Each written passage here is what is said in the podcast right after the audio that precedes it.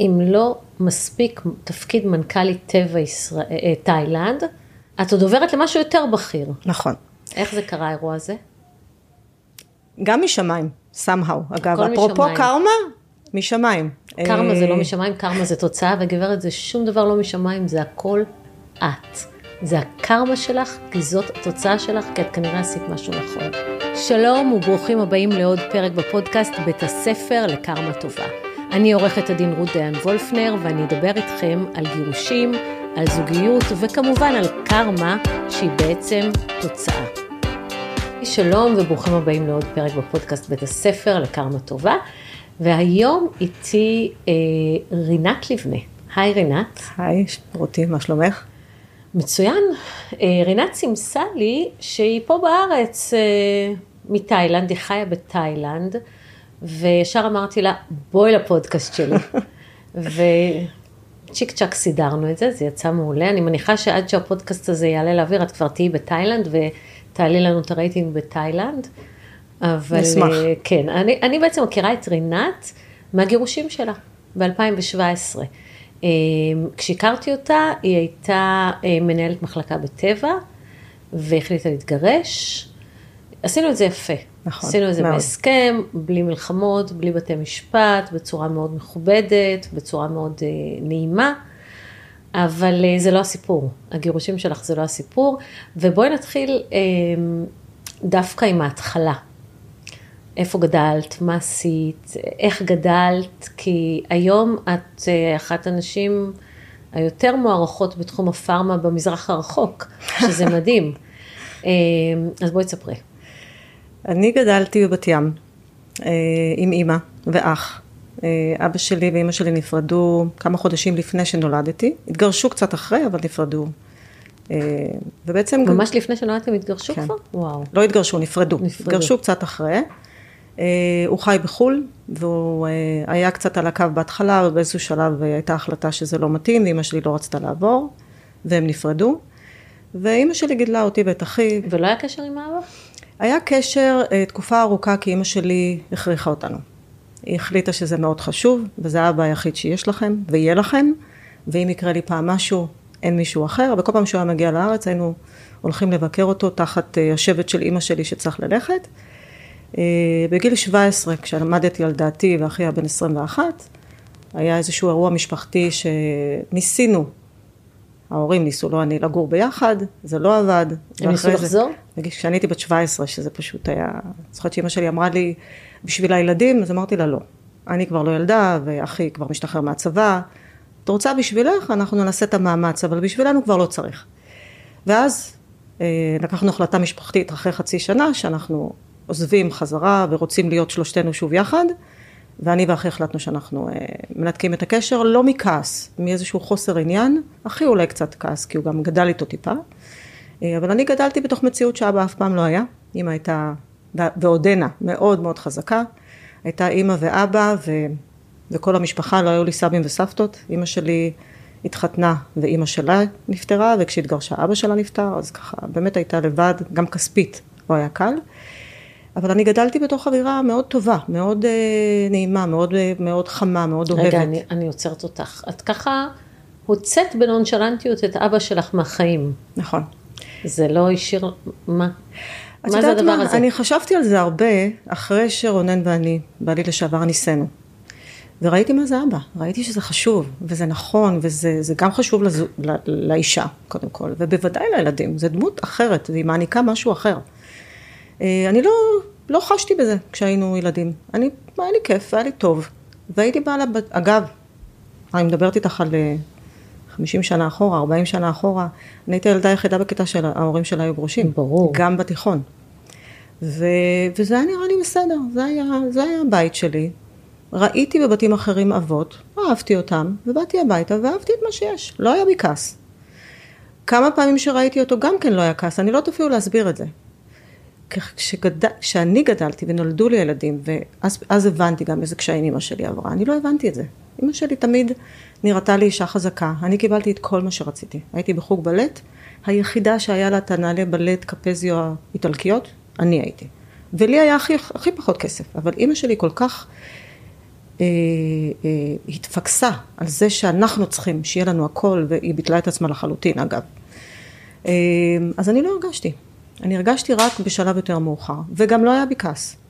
אגב, אני אספר לך קוריוז, שכשהבן שלי הגדול היה בן שלוש או ארבע, אבא של בעלי נפטר, וזה היה משבר גדול לכולנו, מאוד מאוד אהבנו אותו. אה, וכשחזרנו הביתה אחרי תקופה, מאחת האזכרות, הוא אמר לי, אמא, יש לי עוד סבא, נכון? אמרתי לו, כן. איפה הוא? סיפרתי לו מה היה, ועם סבתא וגירושים וכולי. אפשר לפגוש אותו? אמרתי, אני מוכנה לנסות. זה היה אחרי שלא דיברתי איתו 30 שנה. 30? אני הייתי בת... 20, אה, לא, 20 שנה שלא דיברנו. הלכתי לאמא שלי, לקחתי ממנו את הטלפון שלו והתקשרתי. out of nowhere, ואמרתי שלום. חיים? מי זאת? רינת. איזה רינת? אה, נו, איזה רינת אתה מכיר. והייתה שיחה. בתום השיחה, אחרי שהסברתי לו מאיפה מגיעה השיחה הזאת, אמרתי לעצמי, זה לא זה. אין לו את החום הזה. ואיך הוא הגיב? הוא הופתע, אבל הוא לא התעלף, הוא לא יצא בריקודים שאני חושבת שזה מה שציפיתי. שכל כך הרבה שנים עברו וכל כך הרבה דברים עברו על כולנו. סוף סוף היא מתקשרת, אולי, אולי ניקח מזה, ניקח את המושכות ונזוז קדימה, והוא לא לקח את המושכות. ולא סגרתי את קרתה פגישה? לא. סגרתי את הטלפון, דיברתי עם הבן שלי הקטן, ואמרתי לו, זה לא באמת סבא. ואם אתה תכיר אותו, אתה כל כך תתאכזב, כי אתה, יש לך דמות של סבא אחר, ואני חושבת שעדיף שלא. ובזה זה נגמר. לימים הוא נפטר, ושחררנו את הכל. אבל אה, לא היה כעס. לי לא היה כעס. ראיתי אותו פעם ברחוב עם חברה, היי, מה נשמע? מה שלומך? מה שלום אמא? חברה שלי עומדת לידי ואומרת לי, מי זה? אני אומרת, אבא שלי. מה? משהו ב, באיך שבנינו את הבית, ואיך שאימא שלי גידלה אותנו, אבל הוא לא נלחם עליכם. לא. האמת שאני חושבת שזה היה מקובל אז, שאם מתגרשים לפעמים האבא עוזב, וזהו, וזה בסדר. זה, זה היה, זה לא היה, זה לא היה משהו לא תקין לא להיות בקשר עם האבא, ולא היה תקין גם לעזוב ילדים ולא להיות איתם בקשר. זה כאילו היה שנות התקשורת הייתה... ה-70 נכון. של המאה הקודמת, גירושים ככה. היו בושה נוראית, ו, ופשוט לא, לא, לא קרה כלום. מנתקים וזהו. נכון, אז, אז בהתחלה היה קשר עם אימא שלי, כי הכוונה הייתה שהוא יעבור לחו"ל, ינסה להצליח, ואז היא תבוא לשם. אבל זה לא כל כך הצליח. והוא לא כל כך רצה לחזור, והיא נורא חששה מהביניים הזה. והיא גם חששה כי כשהוא הלך בפעם השנייה, הוא שלח מכתבים, אחר כך קצת פחות, זה לא כמו היום שהתקשורת כל כך אה, נוחה. כן, אז היינו ב... ולאט לאט המכתבים דואר. פחתו, בדיוק, ובסוף פסקו להגיע. והיא פחדה להישאר עגונה, אז היא דאגה לנטרל את הדבר הזה, ושיהיו גירושים מסודרים. היא ניסתה שיהיה קשר בינינו ובין, ובינה, אבל זה פחות עבד. אמ, טוב, אז בואי נתקדם ל... את מסיימת תיכון, מתגייסת לצבא, מה את עושה בצבא? בצבא הייתי קצינת מבצעים של חיל רפואה, פיקוד צפון. הייתי חובשת תקופה קצרה, יצאתי לקצונה. את כל הזמן באזור של התרופות. נכון, somehow. אגב, כן. כשאני עשיתי קורס חובשות, פחדתי מזריקות, פחד מוות. עכשיו, אני לקחתי את הקורס הזה כי אח שלי אמר לי שזה קורס שכדאי לקחת. זהו, שום דבר אחר לא היה שם, ולא רציתי להיות פקידה בשום פנים ואופן. התחלנו את הקורס, מאוד נהניתי, ובסוף שבוע הראשון שיצאנו הביתה, אמרו לנו, בשבוע הבא שאתם מגיעים, מתחילים עם ההזרקות, ואני לא ישנתי כל הסופש. מה זה הזרקות? מזריקים אחד לשני, עושים אירועים, מזריקים לעצמך, אתה חובש, אתה צריך לדעת. ופחדתי מזריקות, אני לא מבינה בכלל איך לקחתי את הקורס הזה. אבל אחי אמר, אחי יודע. אה, הגעתי בתחילת השבוע, ומה לעשות? אין ברירה, אין ברירה, מתגייסים, ועושים את מה שצריך לעשות. ואני עד היום זוכרת את ההזרקה הראשונה, שהצלחתי לעשות את ה-IV ואת כל מה שהיה צריך לעשות עם ההדרכה של המדריך שלי, ולא הצלחתי לקום מהרצפה. כל השרירים שלי נתפסו מהלחץ ומהמתח, עושים את זה על הרצפה. אה, ולמדתי להתמודד עם זה אחר כך, למדתי פחות לפחד מזה, היום אני שונאת את זה נורא. לא אוהבת להזריק ולא אוהבת זריקות, אבל אה, עברתי את זה. יצאתי לקצונה תקופה קצרה אחרי הקורס, וקיבלתי תפקיד שרציתי, רציתי להיות רחוק מהבית, למרות המצב המשפחתי, ואמא שלי הבינה את זה. אה, אז עברתי לצפת, לפיקוד צפון, ובעצם ניהלתי את כל מערך הבריאות והרפואה של פיקוד צפון בחיל הרפואה, בתקופה של מלחמת שלום הגליל. וואו. זאת אומרת שכל המבצעים וכל מה שהיה ברצועת הביטחון וכולי וכולי, אני הייתי שם אה, אחראית על הפינוי של האנשים, על, אה, של החיילים.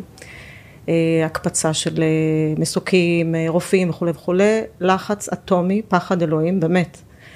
חודשים ראשונים כל יום מתקשרת לאימא, אומרת לאימא, משהו יקרה, אני אעשה, משהו יקרה, אני לא אצליח ומשהו יקרה למישהו וזאת תהיה אשמתי, וככה לאט לאט זה עבר והתחזקתי, ואחד התפקידים היותר מלמדים, בונים, מחזקים שהיו לי. ומפתחים חוסן. ומפתחים חוסן יוצא מן הכלל.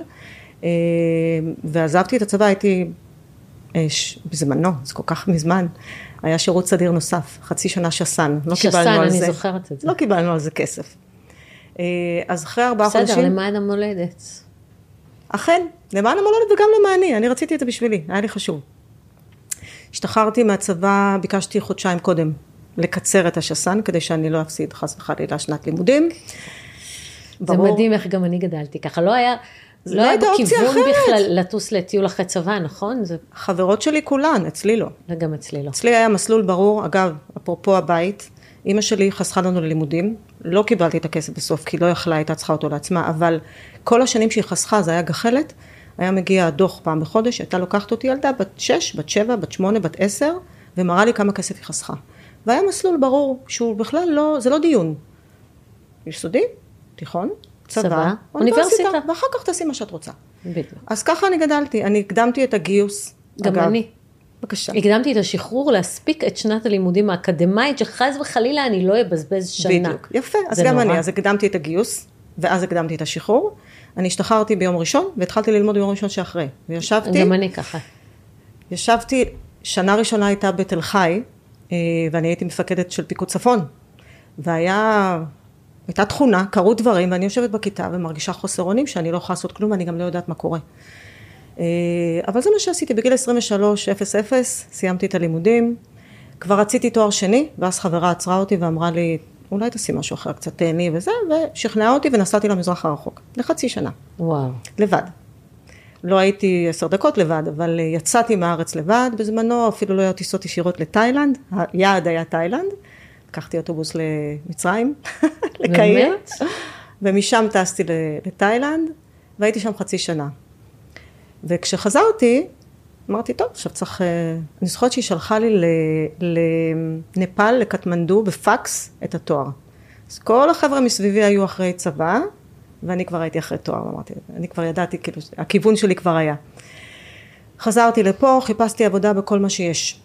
התואר שלי היה uh, Bachelor in Science, אז כל מה שסיינס אפשר היה, ניסיתי להתקבל, אז היו עיתונים, ואיכשהו הגעתי לטבע. אני אפילו לא ידעתי למה אני מתראיינת למען האמת, לקח קצת זמן. אה, ובעצם התחלתי כנציגה רפואית בטבע לפני 30 שנה. אה, ולא כל כך אהבתי את זה. אבל זה היה כסף לא רע, והיה אוטו, ונוסעים לנופשים, ו... זה לא התאים לעזוב את זה. וזה היה נראה לי איכשהו נכון. עשיתי קורס, אה, בסוף הקורס גם גיליתי שאני עושה את זה לא רע, את השיחות וכולי, ונשארתי. עזבתי, עברתי לחברה אחרת עשר שנים, אחר כך עברתי לעוד חברה עשר שנים, ואז עברתי לטבע. ואז ולמעשה, חזרת לטבע. בדיוק. וחזרתי לטבע בתור מנהלת המחלקה שבה הייתי נציגה רפואית. זה נורא מצחיק, כי בתור נציגה רפואית הייתי רצה מהר ליד החדר של המנהלת מחלקה שהיא לא תראה אותי. עכשיו אני זאת שמנהלת את המחלקה. כל השנים האלה, למעשה, כל הזמן התפתחתי והתקדמתי בתפקידים, אה, אף פעם לא הצידה, אף פעם לא הסכמתי לנהל צוות אחר, או אם, אז עכשיו אני כבר אהיה מנהלת מוצר, ואם התפקיד הבא, אז מנהלת יחידה עסקית, ואם לא, אז כבר סמנכ"ל שיווק ומכירות. הצידה לא היה. טוב, תעצרי שנייה, אני התעייפתי. מתי את מתחתנת? בתוך כל חתנתי... המרוץ הזה. את צודקת לגמרי. התחתנתי בת 28 כמעט, כשהתחלתי תואר שני בבאר שבע, אה, למדתי מנהל מערכות בריאות. התחתנתי ממש בתחילת התואר, ונכנסתי להיריון קצת אחרי. עשיתי תואר, הארכתי בחצי שנה כי הייתי בהיריון פעמיים באמצע. אה, ועבדתי במשרה מלאה, שני הריונות, שתי לידות ותואר. אה, אז התחתנתי בת 28 עם חבר ילדות שלי, שהיה המון שנים חבר שלי. בשלב מסוים זה הפכה, הפכה להיות זוגיות. אה, ניסינו, שנה אחרי נולד ילד, שנה וחצי נולד ילד ראשון, שנה אחרי נולד ילד שני. אה, זהו, בגיל 30 סיימתי את התואר הראשון עם שני ילדים. אבל יש גם ילד שלישי. ילד שלישי הגיע מאוחר יותר, אנחנו היינו קצת בטראומה מה... מהאינטנסיביות. אה, אני רציתי מאוד ילד שלישי, אבל חיכיתי קצת לראות שאנחנו קצת יותר מסתדרים וכולי. לא כל כך הסתדרנו, זאת אומרת כלכלית, זה היה יותר מלחמת הישרדות. אה, עבדתי מאוד קשה, הרבה מאוד שעות, אה, נסיעות. גם הוא עבד קשה. והוא עבד מאוד קשה, והרבה שעות. למזלי, אימא שלי הייתה בבית, היא, היא הפסיקה לעבוד בסביבות גיל 60, ואז היא למעשה לקחה את הבית לחלוטין, היא הייתה מנקה ומסדרת וכביסה והכל. כמובן שגם אנחנו עשינו, אבל uh, יכולתי לחזור הביתה בשבע וגם בשמונה ולדעת שהילדים במקום טוב ואימא עושה איתם שיעורים והיא ידעה יותר טוב ממני. Uh, בבוקר הייתה לוקחת אותם לבית ספר ומתרגלת איתם את לוח הכפל וכל מיני, אז היה, זה היה נוח, זה היה נכון, וכך גם הוא יכול היה לעבוד. היו לי המון נסיעות לחו"ל, והבית תפקד כרגיל, הוא לא היה צריך לשנות את סדר היום שלו, כי אימא שלי הייתה שם. אה, אנשים אומרים שזה יותר קל מאשר כשאין, אבל היה לי קשה, כך או כך, זה לא היה פשוט אה, לנהל את כל האופרציה הזאת. בגיל 37 ילדתי את הבן שלי השלישי, נורא רציתי בת, אבל בא בן. יש לי שלושה בנים מקסימים, 25, 24 ו-18 עוד מעט. מה, הוא כבר בן 18 הקטין? הקטין הזה, וואו. שלקחתי אותו לתאילנד בגיל 12 וחצי, אה, אוטוטו בן 18. וואו. וכשלקחתי אותו לתאילנד והוא בקושי ידע להזמין אה, אוכל פשוט במסעדה, עכשיו הוא לומד לימודים אה, כמעט אקדמיים אפשר להגיד, באנגלית שוטפת. וכל פעם שהוא... תכף את קופצת, תכף נגיע לתאילנד. אז את מתחתנת, נולדים לך ילדים, ובאיזשהו שלב מחליטה להתגרש, בת כמה היית? 48. היינו נשואים 21 שנה. האמת היא שהנישואים היו הם היו בסדר, הם לא היו רעים, הם לא היו מאוד טובים, היה, היו עליות וירידות. דווקא השלב שבו הגעתי למצב שאני שוקלת גירושים, היה כשניסיתי לתקן ולעשות שיהיה יותר טוב. והלכתי ליועצת לנישואים, לבד. ואני זוכרת את המשפט שאמרתי לה, אני מקולקלת. והיא אמרה לי, למה? אמרתי לה, כי יש לי בן זוג טוב, והוא נראה טוב, והוא חמוד, והוא אוהב את המשפחה, והוא בסך הכל טוב. אז למה לא טוב?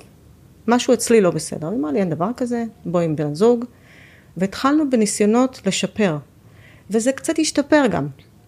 משהו בתהליך הזה, בהתמקדות פתאום בחיי הנישואים ובדברים היותר קטנים, והילדים כבר קצת יותר גדולים, אז יש יותר פנאי לחשוב גם עלינו. ואני הגעתי למסקנה שהדבר הנכון זה שלא נהיה ביחד. וזה היה משבר גדול. מאוד. זה היה משבר גדול. אמ, א', בשבילי, כי אני נורא רציתי to live happily ever after. אה, ותמיד חשבתי אחרי שנזדקן, והוא כזה איש טוב, הוא יכין לי תה, ויהיה נהדר, והילדים ביחד, ויהיה נפלא. אה, וגם הוא, היה לו מאוד מאוד קשה. אה, אבל זה היה נכון. אני זוכרת שיחה שהוא אמר, תגידי, לאן זה הולך? ואמרתי לו, אני מצטערת, אבל זה נכון לי ככה. ויאמר לזכותו שהוא הבין, לקח תיק, עזב את הבית. לא היו בינינו לא מריבות ולא... לא היה רוע כמו שאני רואה שקורה מסביב, להפך, ישבנו יחד, רשמנו כל מה שיש, טבלת אקסל, כל מה שאין, והיה הרבה אין, סיכמנו, עשינו חצי חצי, ושלחנו את זה בבולט פוינטס. ככה יראה ההסכם, אה, והיינו בבית משפט בצורה מסודרת, הוא הסכים שאני אקח את הבן שלי הקטן לתאילנד, שזה לא טריוויאלי בכלל, אה, אבל הוא הבין גם את ה... את הסיטואציה שבה היינו שיהיה לו קצת יותר קשה לטפל, וגם הוא הבין, כי הוא חי תקופה בחו"ל, ההורים שלו היו תקופה קצרה בחו"ל, הוא הבין את הערך המוסף העצום שיכול להיות לדבר הזה. רגע, מה תאילנד? מה קשור תאילנד עכשיו? ככה, יום אחד אני מגיעה למשרד, והבוס שלי אומר לי, יש לך כמה דקות? בשתיים? לבוא? אמרתי, כן. דפקתי בדלת בשתיים, הוא היה עסוק, בואי בחמש, והגעתי בחמש. והוא אמר לי, תקשיבי, יש איזה תפקיד, היה לי בוס מדהים בהקשר הזה, כל כך אה, איש חכם ונורא פשוט. יש איזה תפקיד, מנכ"לית טבע תאילנד, את רוצה? אמרתי לו, נראה לי שכן, אני לא יודעת. עכשיו, אני הייתי בתהליכים. זאת אומרת, כשהוא הציע לי את זה, זה היה כמה חודשים אחרי שנפרדנו, עוד לא היינו גרושים. זה היה וואו גדול, אבל גם שאלה מאוד מאוד גדולה איך מנהלים את הדבר הזה. איך עושים את זה. כן. אז קודם כל אני רוצה לפרגן מאוד לטבע. ולמנכ"ל של טבע ישראל ומנכ"ל הפארמה שהציעו לי את זה בידיעה שאני עוברת את מה שאני עוברת. אבל הם שמו בצד את כל החיים הפרטיים שלי, זה לא רלוונטי. נתנו לי את ההצעה, או לפחות שמו אותה בפניי מבחינה מקצועית, ויודעים שאם אני אגיד שאני עושה את זה, אז אני עושה את זה, ובזה זה נגמר. אה, ואז אני זוכרת שאמר לי הבוס שלי, קחי, תחשבי על זה, אבל כשאת אומרת כן, אם את אומרת כן, זה כן, את לא יכולה לחזור בך. אוקיי, הצעתי, התקשרתי לבעלי לש... היום לשעבר, סיפרתי לו, אמרתי לו, אם אתה לא תסכים, אני אפילו לא מביאה את זה לילדים. אני לא רוצה לייצר אה, שום אה, גלים. והוא אה, ככה חשב קצת, הוא גם לדעתי היה, זו הייתה מערבולת נורא גדולה כל מה שעברנו אז. הוא אמר לי, את יודעת מה, בסדר, משהו כזה. אז אני יכולה לדבר עם הילדים? הוא אמר לי, כן. הגעתי הביתה, הודעתי שיש ישיבה משפחתית, היינו עושים ישיבות משפחתיות. הבן הקטן שלי לא הסכים לחכות לישיבה המשפחתית, חיכינו שהגדולים יגיעו. אמרתי לו כבר בשבע מה הציעו לי, זה הייתה, כמובן הוא כבר שם את התיק על הגב, מתי הולכים. הסברתי לו שזה לא יהיה קל, ולימים הוא הבין טוב מאוד כמה זה לא קל. עם הגדולים שלי דיברתי, אה, הבן הגדול אמר לי, אמא תעופי על זה, זה מה שאת כל הזמן רצית. אני רציתי להיות מנכ"לית, אגב, מנכ"לית טבע. זוכרת שפעם עשינו סשן כזה עם חברות, כל אחת סיפרה מה היא רוצה להיות, ואני הייתי, לדעתי הייתי מנהלת מוצר או משהו. אמרתי, אני רוצה להיות מנכ"לית טבע ישראל. זה היה נראה רחוק ובלתי אפשרי. בסוף הייתי מנכ"לית טבע תאילנד, אה, שזה לא פחות טוב. רגע, אני עוצרת אותך שנייה. אני עוצרת אותך. תשמעי, אנחנו שומעים על ילדה בת ים. בת ים, שההורים שלה התגרשו, שגדלה במשפחה חד-הורית, בלי הרבה כסף, שעוברת הליך גירושים, ותוך כדי ההליך מציעים לה להיות מנכ"לית טבע תאילנד. זה לא נכון, לא נורמלי. נכון. איך, איך זה קורה הדבר הזה? אני חושבת שזו הזדמנות. קודם כל נפתחה הזדמנות בטבע. אה, שנית, עבדתי קשה, תמיד. קשה ועם הרבה מאוד אנרגיות ועם הרבה מאוד, אה, אה, אני חושבת, השפעה ועשייה. האמנת שזה יכול לקרות לך? לא. אפילו שרצית את זה. יש אנשים שאומרים לי היום, את חיה את החלום, אמרתי, חבר'ה, לא חלמתי את זה גם. זה לא היה באג'נדה, בטח לא רילוקיישן. למנכ"ל זה היה חלום, אבל אני ניסיתי. התראיינתי פה ושם, וכל הזמן היה משהו שעצר. את לא מספיק בתחום הפארמה הבינלאומי, כל מיני עניינים, אבל לא הצלחתי להגיע למנכ"ל פה בישראל, ופתאום זה צץ. אני חושבת שאחד, באמת הייתה הזדמנות, אה, ושתיים, אני, אני, אני הייתי מאוד, מאוד פעילה, מאוד פעלתנית, וגם הצלחתי בטבע ישראל. אני חייבת להציע לך איזושהי אה, אופציה נוספת, כי אני רואה את זה קורה, ואת יודעת שאני אוהבת לזהות דפוסים. ואני רואה הרבה נשים שברגע שהן מתגרשות, כאילו משהו משתחרר. זה נכון. באנרגיה, גם לי זה קרה, וגם לעוד כמה שאני מכירה, שמשהו משתחרר באנרגיה, ופתאום איזושהי הצלחה שלא הייתה עד עכשיו מגיעה. את מרגישה את זה גם? אני מרגישה את זה מאוד. בלי להאשים את הנישואים, פשוט משהו בנישואים כנראה כובל אותך למשהו אנרגטית. אתה גם משדר את זה. כן. שאתה כבול, שאתה סגור, שאתה לא פתוח אולי לדברים, זה נכון, אני זה, מסכימה זה מאוד. זה ממש, אני זוכרת שאני התחלתי להצליח ממש בשנה שאחרי הגירושים, אפילו היו לי איסורי מצפון על זה, ולמרות שלא הייתי אשמה, לא עשיתי את זה בכוונה, זה מדהים שאתה, את מתגרשת ואז פתאום מגיעות נפתח. הזדמנויות, משהו נכון, נפתח. אני מסכימה. תראי, היו לי הצעות לפני. אבל אני לא, אני אפילו לא, בקושי בדקתי אותם, בגלל המסגרת המשפחתית והאתגרים שהיו וכולי, זה לא היה רלוונטי, והמסלול היה מאוד צר. מאוד אני ברור. מסכימה איתך, מאוד ברור ומאוד צר. זה בארץ, זה עם הילדים, זה המשפחה, לא היה... רגע, אבל תגידי לי מאיפה היה לך את האומץ הזה? לא חשבתי על זה בכלל. להגיד, אוקיי, אני נוסעת, אני מתגרשת ואני נוסעת לתאילנד עם הבן שלי, איזה אומץ. לבד. לבד. עם ילד אחד. תראי, בדיעבד... והשארת פה שני ילדים, אחד היה בצבא. בצבא, שניהם היו בצבא. שניהם היו בצבא. בקרבי. וואו. Uh, אני חושבת, א', קודם כל לא חשבתי על זה, לדעתי. יש, יש בי משהו, ואני כל הזמן מנסה לנתח את זה, כי בהסתכלות אחורנית, אם זו הייתה מישהי אחרת, אני הייתי אומרת את אותו דבר. איך, איך, איך לוקחים כזאת החלטה? בדיוק. ואז אמרו לי, את מאוד מאוד אמיצה. אמרתי, לא. רגע, קפה ביד עכשיו, כן, הכל בסדר. אני זוכרת שהייתי כאילו מרגיעה את עצמי, עכשיו אני בסדר. מה יהיה מחר נראה? עכשיו אני בסדר. נכון? כן, יש, הכל בסדר. ואז מתחילה את הצעדים. בגישה שלי, ואני חושבת היום שזה כנראה מה שתרם לזה, תרם לי לעשות את זה באומץ אולי, אני מסתכלת רחוק קדימה, ודמיינתי כמה טוב זה הולך להיות. אני אהיה מנכ"לית, ואני אהיה בתאילנד, זה יהיה מהמם, ואני אסע, ואני אטייל עם הבן שלי, והוא ידע אנגלית, והנה אני מכינה את המנכ"ל הבא, אני זוכרת את המשפטים האלה שאמרתי לו. אתה עכשיו במסלול למנכ"לות, האנגלית שתלמד, ותהיה בינלאומי. אז חלמתי על זה, חזרתי למציאות, ואמרתי, אוקיי, עכשיו מה עושים? עכשיו גומרים את הקפה, ובודקים את הדרכון, ומתרגמים את התעודות, כי זה מה שביקשו ממני, ועושים עכשיו את הצעדים הקטנים. לא חשבתי מה הולך להיות באמצע. זה מיינדפולנס, זה כל הזמן להיות בכאן ועכשיו, במקום להיות בחרדות על העתיד. בדיוק. ולא חשבתי מה יהיה מחר כשאני אגיע. אה, כן תכננתי בית וכולי, כדי שאני אוכל לקחת ילד לבית ושיהיה לי מצעים וכל זה, זה לא ייאמן אגב, כי אני השארתי כאן בית, לא, לא הזכרתי את הבית שלי, כיוון שפירקתי את המשפחה, רציתי שלפחות הילדים הגדולים יישארו בחדר שלהם ובמיטה שלהם, בעלי לשעבר עבר לבית אחר.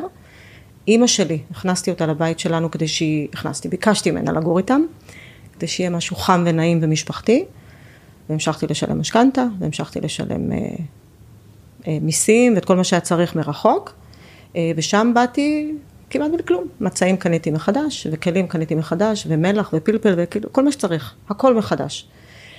ועברת לבנקוק? עברתי לבנקוק. אני חושבת שמה שהיה זה התרגשות נורא גדולה מעצם זה שאני הולכת להיות מנכ"לית.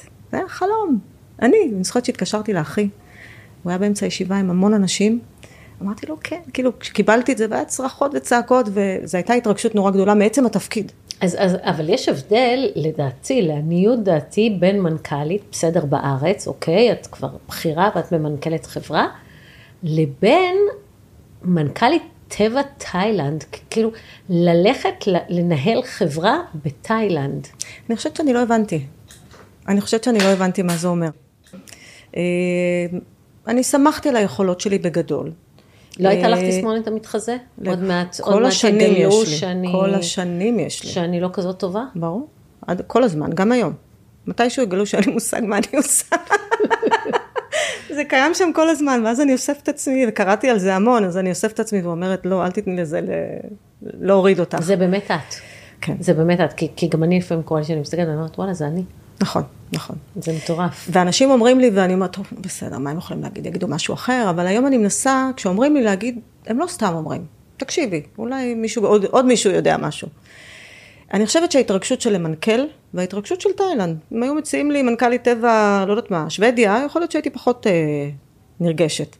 זה נראה לי מין משהו חלומי כזה, כי תאילנד, תאילנד זה סוג של חלום, סוג של משהו נורא כיף. וחשבתי שזה ככה יעבוד. אמ, ושוב, עשיתי את הצעדים הקטנים, נסעתי. רגע, ואז את מגיעה לתאילנד עם ילד בן 12 וחצי, ואיך, מה, מה, מה, מה הקשיים שאת נתקלת בהם? בלי סוף, אוקיי? אני, אני, אני לא יכולה להגיד שהיה משהו שהיה נעים ונחמד בהתחלה, למעט זה שהכרתי את הבן זוג שלי ותכף נדבר על זה. קודם כל, בדידות, איומה. אני גם לא ידעתי, אה, היום אני יודעת כשעושים רילוקיישן, איך מיד אפשר למצוא אנשים וחברים ו... ו, ו אירועים וכולי, ולא להיות לבד. אז הייתי לבד, ולא ידעתי איך להתחבר לאנשים. אז הייתי לבד ביום שישי, והייתי לבד ביום שבת. וטבע בדיוק הייתה בתקופה מאוד מאוד קשה, אחרי רכישה של חברה גדולה. אז אני הגעתי והייתי צריכה לקצץ. התרסקה, tell me about it. בדיוק, כן. הפסקתי מלא כסף על המניה הזאת. השופט בבית המשפט, כשאנחנו עומדים להתגרש, הוא קורא וכתוב שם שהבן זוג מאפשר לי לקחת את הילד לתאילנד, אז הוא מרים את הראש ואומר לי, תאילנד? מה יש לך לעשות בתאילנד? אמרתי, אני הולכת להיות מנכ"לית טבע. טבע? מה קורה לכם? אז אני אומרת לו, אפשר לגמור את ההסכם קודם, נדבר על זה אחר כך. טבע אז קרסה, אה, ועם כל הלחצים של, אני מגיעה מנכ"לית חדשה, זרה, ישראלית, לא היה ואישה. שם... ואישה. ואני מגיעה מהקורפרט. אותם זה נורא הפחיד, שמגיע מישהו מהקורפרט. קודם זו הייתה חברה אה, פרטית בתאילנד, וכשטבע רכשה את האקטביס, בעצם הפכו את זה לנציגות של אחת החברות הגדולות בעולם, עם כל המשמעות של זה. אה, אז נורא פחדו ממני, והתאילנדים גם ככה, מרחק בין ישראלים לתאילנדים הוא עצום ב, ב, בגישה, בשפה, בטונים, בהכל. סוודיקה. סוודיקה, זה שקט, שקט, וזה נכנע, וזה נמוך, ו... ואני באתי עם הקצב שלי בהתחלה, וכמה שאמרו לי להוריד את הקצב, ניסיתי להוריד את הקצב, ואני לא חושבת שהצלחתי. חטפתי כמה סטירות לחי אה, טובות אה, מהתרבות, אה, אבל מה שאני רוצה להגיד זה שאני הגעתי והייתי צריכה לעשות קיצוצים ולפטר אנשים. אני לא רציתי, הייתי חייבת. וככה נכנסתי, וזה עם הרבה מאוד אה, אה, כעס, אני יכולה להגיד, מטעם הצוות, זה לא עבר קל. וניסיתי להסביר שזה טבע, והראיתי להם מה קורה, וסיפרתי להם מה קורה וכולי, אבל זה עדיין היה קשה. אז אני ניהלתי קרבות. באתי למשרד בבוקר, זה היה קרב, זה היה... אמנם לא הרגשתי קרב, כאילו ניסיתי לתת את כל כולי. להבין בכלל מה קורה פה, מה זה המדינה הזאת, חוקים אחרים לגמרי, כל הנהלים שונים, ואתה מנסה להבריג את זה למשהו שאתה מכיר ואי אפשר. אה, אז לשאול הרבה וללמוד הרבה ולתת להם להבין שאני לא יודעת הכל וזה לא קל עם תאילנדים כי אתה צריך כאילו להבין הכל בתור מנכ"ל. מנכ"ל טבע ישראל לפני שעזבתי אמר לי מנכ"ל בתאילנד זה מלך וזה נכון וזה מלך בכל המובנים הם מצפים ממך שתגיד להם מה לעשות ואני לא יודעת להגיד להם מה לעשות הם יודעים יותר טוב ממני. אז לנהל את הדבר הזה את השיח איך משחררים אותם לדבר הייתי יושבת בישיבות ומבקשת ממנו לדבר בתאית, ואני לא מדברת תאית. והייתי נשארת בישיבה, ואחרי שהם מסיימים הייתי אומרת להם עכשיו מישהו שיספר לי מה היה הדיון. אז א', אני לא יכולה להצביע על אף אחד שזה משהו שהם פחדו, וב', גם האנגלית שקצת הפחידה אותם, וככה לאט לאט, והם גם למדו שאני בסוף גם בן אדם טוב וגם אני רוצה שיהיה להם טוב, הם ראו את זה בהרבה מאוד מקומות, והיום אנחנו חברים, הם באים אליי לארוחות ערב. את יודעת תאית? ניט נוי. פסה ניטנוי, אני יודעת מעט מאוד. אה, צריכה לדעת יותר, כי אני חושבת שהחוויה, היכולת, וגם לעבוד, אני עכשיו מנסה לעשות דברים עצמאיים, היכולת לעבוד היא הרבה יותר קלה כשאתה יודע תאית, אבל זה ייקח קצת זמן. ואז, אם לא מספיק תפקיד מנכ"לית טבע ישראל, אה, תאילנד, את עוד עוברת למשהו יותר בכיר. נכון. איך זה קרה האירוע הזה? גם משמיים, somehow. אגב, אפרופו קרמה, משמיים. קרמה זה לא אה, משמיים, קרמה זה תוצאה, וגברת זה שום דבר לא משמיים, זה הכל את. זה הקרמה שלך, כי זאת התוצאה שלך, כי את כנראה עשית משהו נכון. אני יורדת מהמשרד, ואני מקבלת הודעה, אני מסתכלת בלינקדאין, אני מקבלת הודעה אה, מחברה בשם גלנמרק, שהאם אני פנויה לשיחה, ואני תמיד פנויה לשיחה.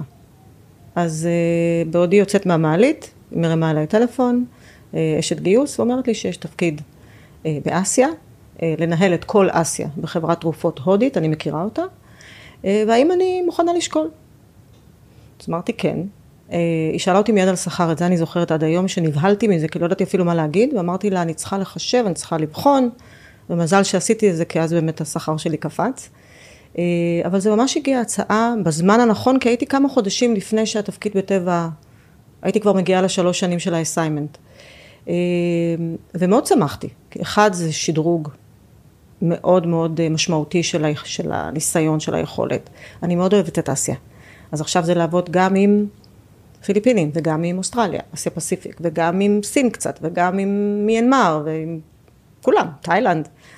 אה, זה גם לנהל הרבה יותר אנשים, זה תקציבים הרבה יותר גדולים, ובעיקר משהו שכל הזמן, אפרופו תסמונת המתחזה, תמיד הייתה לי תחושה שאני מצליחה, כנראה בגלל שאני עובדת בחברה ישראלית, ואני יודעת איך זה עובד, ויש לי הרבה חברים בישראל, ואני מסוגלת לנהל שיחות בישראל, אז יש לי יתרון על, על, על, על אנשים אחרים. אה, אז רציתי לנתק את החבל טבור הזה.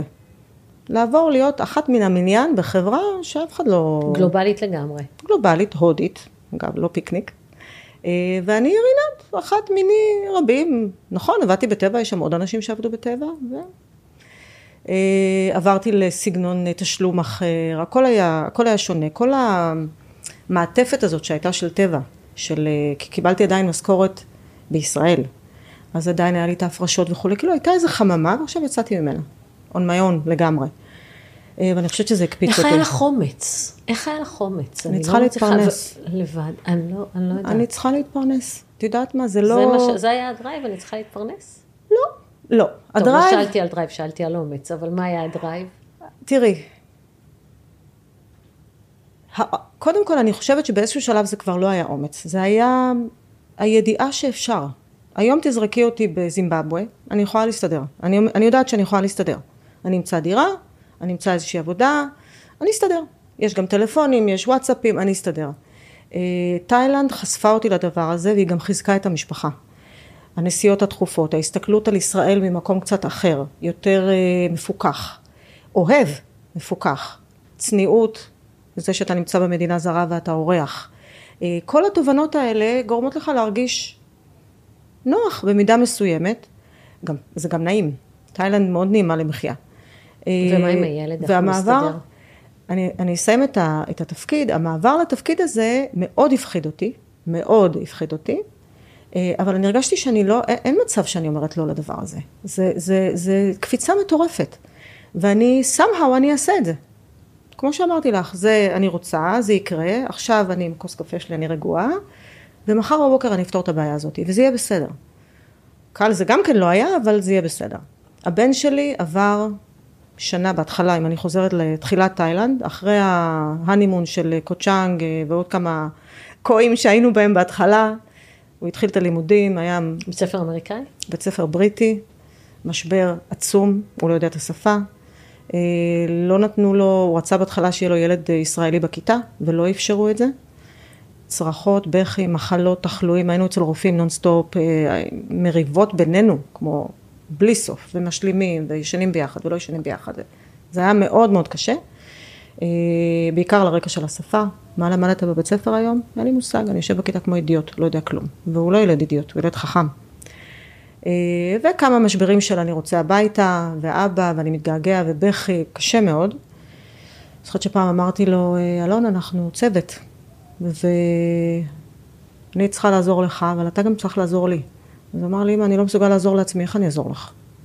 ואז גם הבנתי איפה המקום שלי. אני לא יכולה להכניס אותו לתוך הדבר הזה שהוא צריך לעזור לי. זו החלטה שלי, אני עשיתי את זה, אני צריכה לעזור לו. אז עוד יותר לאסוף את עצמי, כי אין מישהו אחר. אה, אבל עם הזמן, השפה וחברים, ותראי אותו היום, הוא פורח. הוא אה, שולט באנגלית. אני לפעמים מקליטה אותו, אני עוד לא מצליחה להתרגל לכמה טוב הוא יודע אנגלית. המון חברים. אנחנו גם עשינו מעבר באמצע לסינגפור. אנחנו תכף נדבר על זה אולי גם.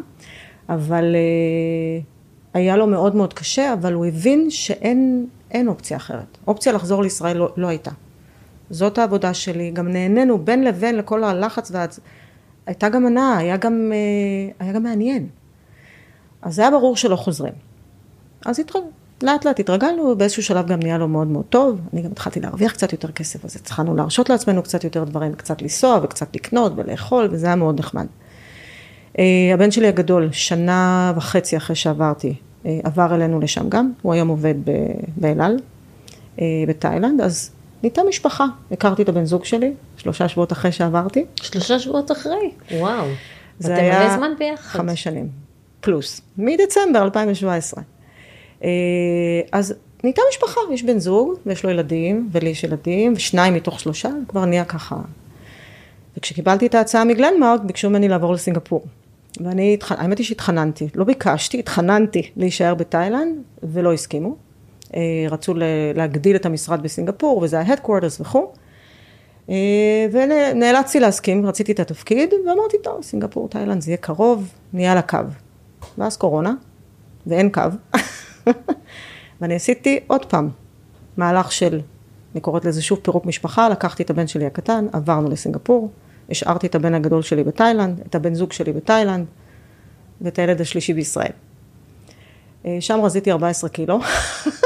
בסינגפור? כן, לא כי היה... טעים. לא שלא היה לי טעים, לא היה לי טוב.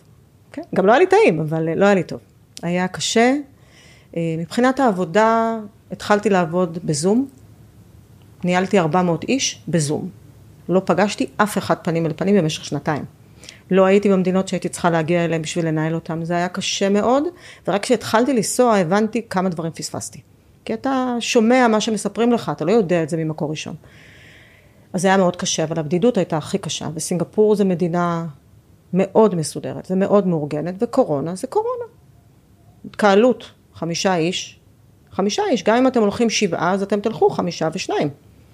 אה, וככה היה קשה נורא להכיר, הכל היה סגור. את הבן זוג שלי לא ראיתי מעל שנה. הילדים שלי לא יכלו לבוא לבקר אותי, כי היינו כלואים שם. היה מאוד מאוד קשה, תפקדתי, כי צריך לתפקד, ושוב, בין לבין, יש לנו דברים נעימים. הלכנו למסעדות משלן, אה, עשינו קרוז טו נוואר, כי לא היה משהו אחר לעשות. הכרתי חברים קצת, אה, נחשפתי למשהו אחר, השתדרגתי מאוד מבחינה מקצועית, אה, למדתי לעבוד עם אנשים אחרים, אתגרים בלתי ניתנים לתיאור בתקופת הקורונה. אה, אז היה, זה מין עליות וירידות כאלה. אחרי שמונה חודשים, הבן שלי ניגש ואמר לי, אמא חייבים לחזור לתאילנד, אני אומלל. לקחת אותי לתאילנד במשך שנה, לא ידעתי כלום, לא הכרתי כלום, הייתי מסכן. כשכבר התחלתי ליהנות, אז לקחת אותי לפה. וכשאני אסיים את כל הדבר הזה פה, אני צריך לחזור לארץ. חייבים לחזור לתאילנד, ומפה קיבלתי אומץ, כי לפני זה פחדתי לבקש. התקשרתי לבוס שלי, ואמרתי לו שסינגפור נהדרת והכל נפלא, אבל הלב שלי בתאילנד, ואם אפשר, והם קיבלו את זה. עשיתי רילוקיישן שני בתוך עשרה חודשים. שוב, את כל הניירות עבודה ולארוז את הבית וכו'. אגב, אה, אני עזבתי בלי לארוז, אני כל כך רציתי לעוף משם, שפשוט עזבתי, את העוזרת שלי אומרת לי, מתי את חוזרת? אמרתי, אני לא חוזרת. ומי יארוז את הבית? את, עם החברת, אה, עם החברת אריזה. ואני הרסתי את הבית בווידאו, לא עניין אותי מה יש שם, מה נשאר שם, לא אכפת לי, רציתי רק לחזור לתאילנד. אז חזרתי לארץ לחודשיים, עשינו את כל הניירות אז עבודה. אז נפגשנו. נכון, ואז חזרתי לתאילנד. וזה בית. זה אמנם לא בית כמו ישראל, ישראל זה משהו שהוא בתוך הוורידים והעורקים, אה, אבל זה בית. זה השפה והאוכל והבן זוג שלי והבן שלי, ואת יודעת, חזרה, החתולים, אני יודעת כל מה שהיה לי. אה, אז עכשיו אני נאבקת לא לעלות במשקל. עם אוכל תאילנדי זה קשה, כל כך טעים שם. מאוד, נכון. וקל וזול וזמין וכל הזמן. אה, זהו, ואז המשכתי בגלנמרק תקופה, אה, ולפני כמה חודשים החלטתי שזה, שזה מספיק. ועשינו שיחה אה, בוגרת, לא קלה, אבל בוגרת עם ה-HR, והחלטנו שאני עוזבת.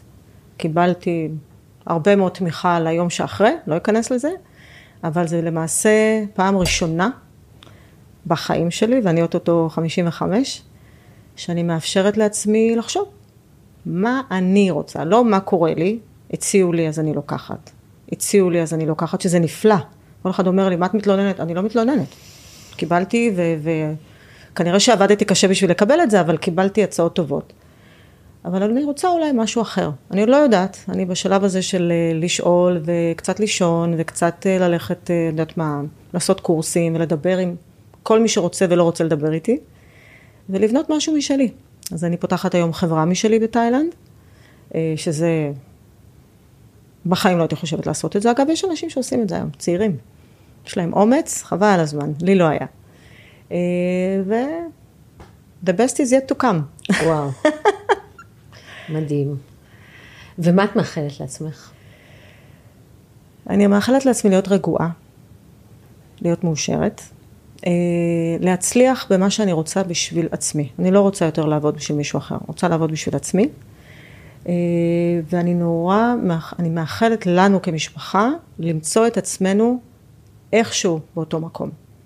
הפרידה הזאת, המעברים הם קשים, הגעגועים הם בלתי נסבלים. אה, לא יודעת אם זה בישראל או במקום אחר, אבל אני נורא מקווה שנהיה קרובים.